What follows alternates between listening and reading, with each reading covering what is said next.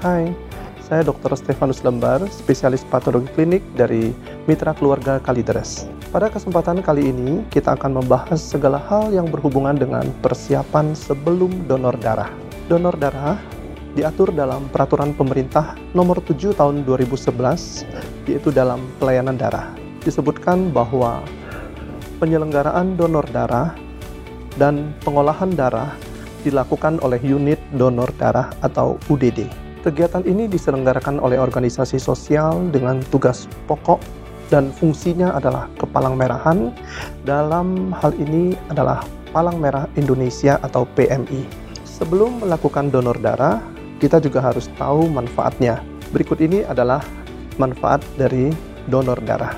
Yang pertama adalah manfaat kesehatan jantung. Saat kita secara rutin mendonorkan darah, maka zat besi di dalam tubuh kita akan lebih stabil artinya akan menurunkan risiko penyakit jantung. Manfaat yang kedua adalah meningkatkan produksi sel darah merah. Dalam hal ini, donor darah bisa menjadi langkah yang baik untuk menstimulasi pembuatan darah baru. Manfaat selanjutnya adalah menurunkan berat badan. Dengan memberikan sekitar 450 ml darah, maka akan membantu membakar kalori sebesar 650 kalori. Manfaat berikutnya adalah meningkatkan kesehatan psikologis dengan menyumbangkan hal yang tidak ternilai harganya kepada orang yang membutuhkan, membuat kita merasakan kepuasan psikologis. Manfaat terakhir adalah mendeteksi berbagai penyakit serius. Setiap kali kita ingin mendonorkan darah kita, prosedur standarnya adalah darah kita akan diperiksa dengan mendeteksi berbagai penyakit serius seperti sifilis, HIV, hepatitis C, dan hepatitis B. Berikut ini adalah beberapa syarat untuk peserta yang akan mendonorkan darahnya. Yang pertama, usia berkisar 17 sampai 60 tahun. Untuk yang berusia 17 tahun harus mendapatkan izin tertulis dari orang tua. Syarat yang kedua adalah berat badan minimal 45 kg.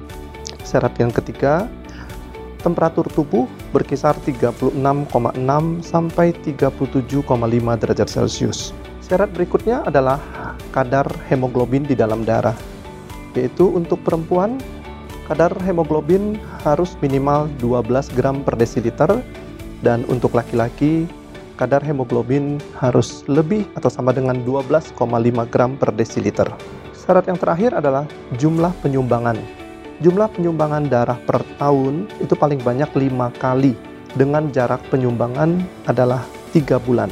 Seseorang dilarang melakukan donor darah bila yang pertama sedang hamil, yang kedua adalah sedang menyusui, yang ketiga bila terdapat ketergantungan obat, keempat adanya alkoholisme baik secara akut maupun kronis, yang kelima terdapat penyakit tuberkulosis, dan yang terakhir adalah bila mempunyai kecenderungan perdarahan atau terdapat penyakit darah, contohnya talasemia.